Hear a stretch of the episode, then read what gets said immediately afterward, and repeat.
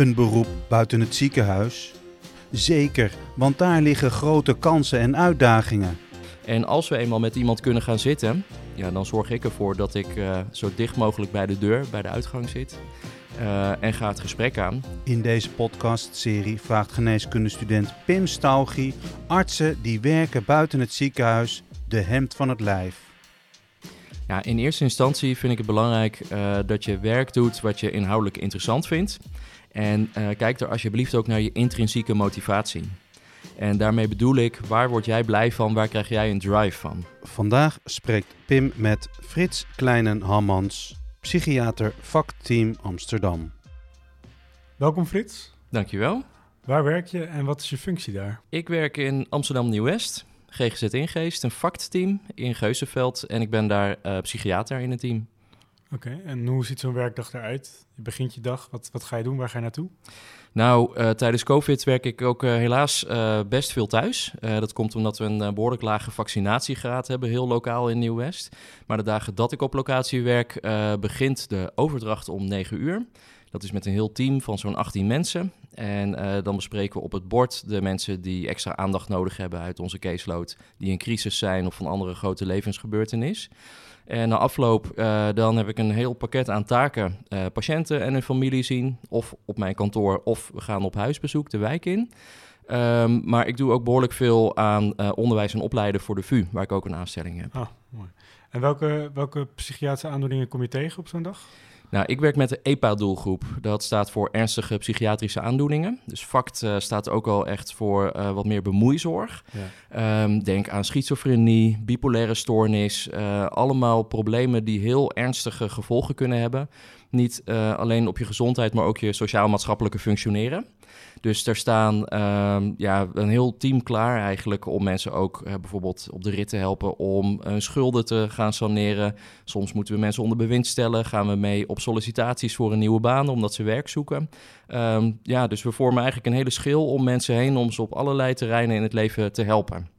Oké, en nu, nu ga ik met jou mee op huisvisite. Um, waar, waar neem je me mee naartoe? Nou, we kunnen lopen of uh, op de fiets. Want het leuke is, we werken midden in de wijk, uh, postcode gerelateerd. Dus dat maakt ons ook heel laagdrempelig voor de patiënten om naar ons toe te komen. Uh, maar wij gaan een stukje vijf minuten fietsen en wij gaan op pad naar een melding die we hebben gekregen van de GGD dat er overlast uit die woning komt. We weten van deze patiënt dat hij zorgmijdend is. Um, dat hij in het verleden ook wel agressief kan zijn en ook uh, drugs gebruikt. En we hebben hem al een tijdje niet gezien. We denken ook dat hij een tijdje zijn antipsychotica niet meer inneemt. En we hebben voor de zekerheid ook de wijkagent meegenomen. Uh, die ook al wel wat uh, signalen heeft gehoord dat het wat minder goed gaat met de kinderen en ook de partner van die patiënt. Oké, en, verder, wat gebeurt er? Wat, wat... Ja, ik heb het ook al voorbereid in het team. En die zeiden ook, hey Frits, uh, ik wil wel dat je met z'n tweeën gaat. Dus denk ook aan je eigen veiligheid. En uh, voor de deur zien we de wijkagent.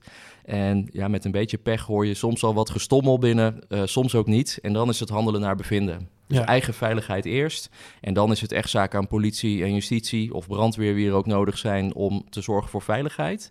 En als we eenmaal met iemand kunnen gaan zitten, ja, dan zorg ik ervoor dat ik uh, zo dicht mogelijk bij de deur, bij de uitgang zit. Uh, en ga het gesprek aan. En dan probeer je zoveel mogelijk te levelen met van hoe zit het met iemands spanningsniveau? Uh, hoe lang kan hij een gesprek aan? Dan ga je proberen te deescaleren. Ik heb het nu over een crisis. Ja. Dat komt dus echt wel eens voor. Ja. Heel vaak gelukkig ook niet. En dan hebben we gewone normale gesprekken. Ja. Uh, variërend van hoe is het met je psychiatrische klachten tot aan is je koelkast uh, gevuld en hoe gaat het met de financiën. Ja, en in, in zo'n crisis bijvoorbeeld, wat is jouw doel daar van tevoren? Alleen deescaleren of... Nee, ik moet inschatten als uh, specialist uh, heeft deze persoon uh, spoedeisende medische zorg nodig. en in ieder geval op psychiatrisch vlak, ja, dan hebben wij de mogelijkheid tot opnames in een van de psychiatrische klinieken. Um, en soms denk je wel eens, hey, er is lichamelijk iets aan de hand. Een ouder iemand kan bijvoorbeeld ook delirant zijn. Ja, dan moet hij dus vooral naar het ziekenhuis en lichamelijk helemaal worden nagekeken. Ja, oké. Okay, dus eigenlijk ben je best wel aan het, hè, aan, het, aan het wegen en het meten van... moet hier meer mee gebeuren? Uh, doe je zelf ook behandelingen voor patiënten?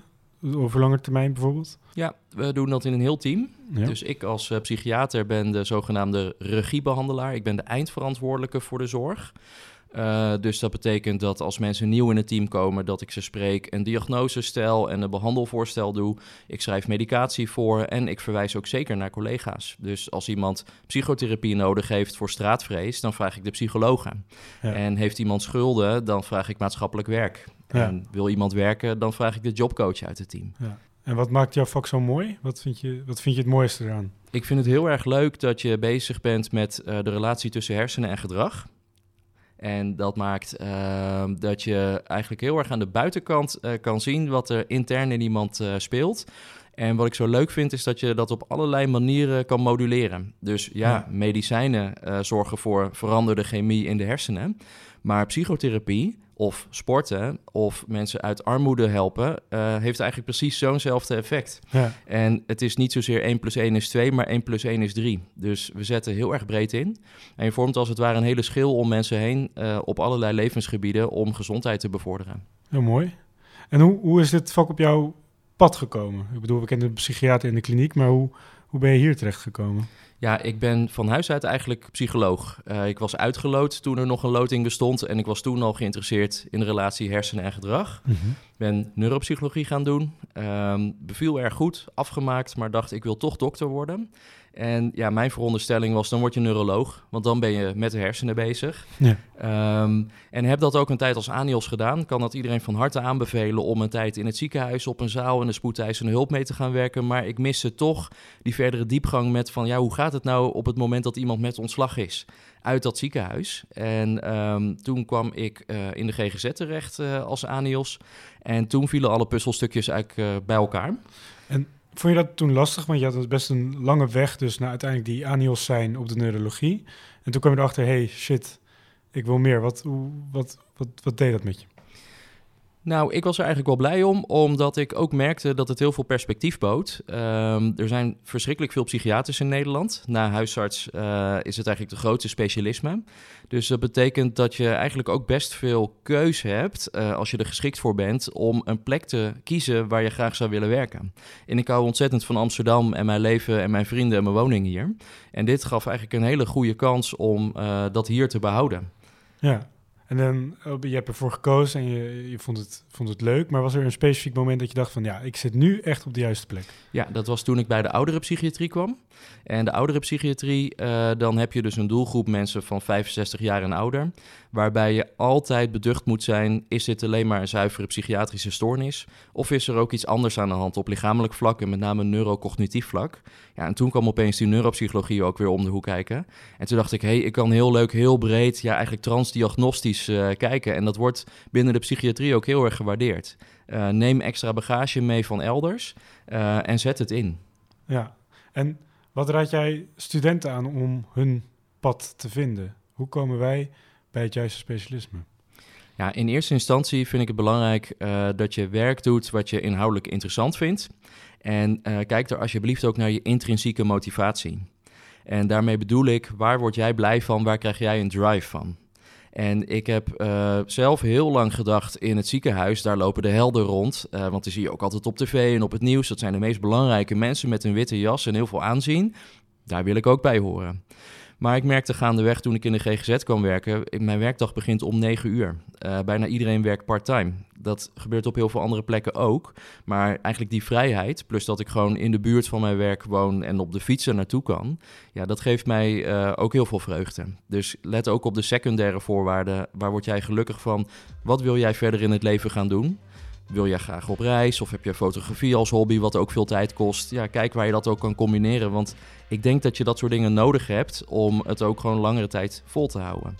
Tot slot wil ik een pitch. Waarom word ik psychiater in een vakteam?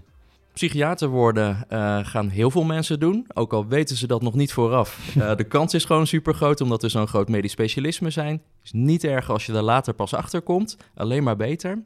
Je kunt op allerlei plekken werken, in een ziekenhuis, ambulant, eigen praktijk. Wat ik super leuk vind van een vakteam is dat je in een heel team werkt met meerdere specialismen en dat je heel mooi samen uh, kan gaan werken aan een herstel van iemand. En dat je echt dat biomedische model nodig hebt, maar ook zeker het sociaal-maatschappelijke model. En dat je gewoon super dicht bij de mens staat. Um, en dat uh, geeft mij super veel voldoening. Hartstikke bedankt. Graag gedaan. Je luisterde naar de podcast Dokters buiten het ziekenhuis. Gepresenteerd door Pim Staugie. In deze aflevering sprak Pim met Frits Kleinen-Hammans, psychiater vakteam Amsterdam. Wil je meer dokters buiten het ziekenhuis horen? Luister dan naar de andere podcastclips. Die vind je op studiovu.nl.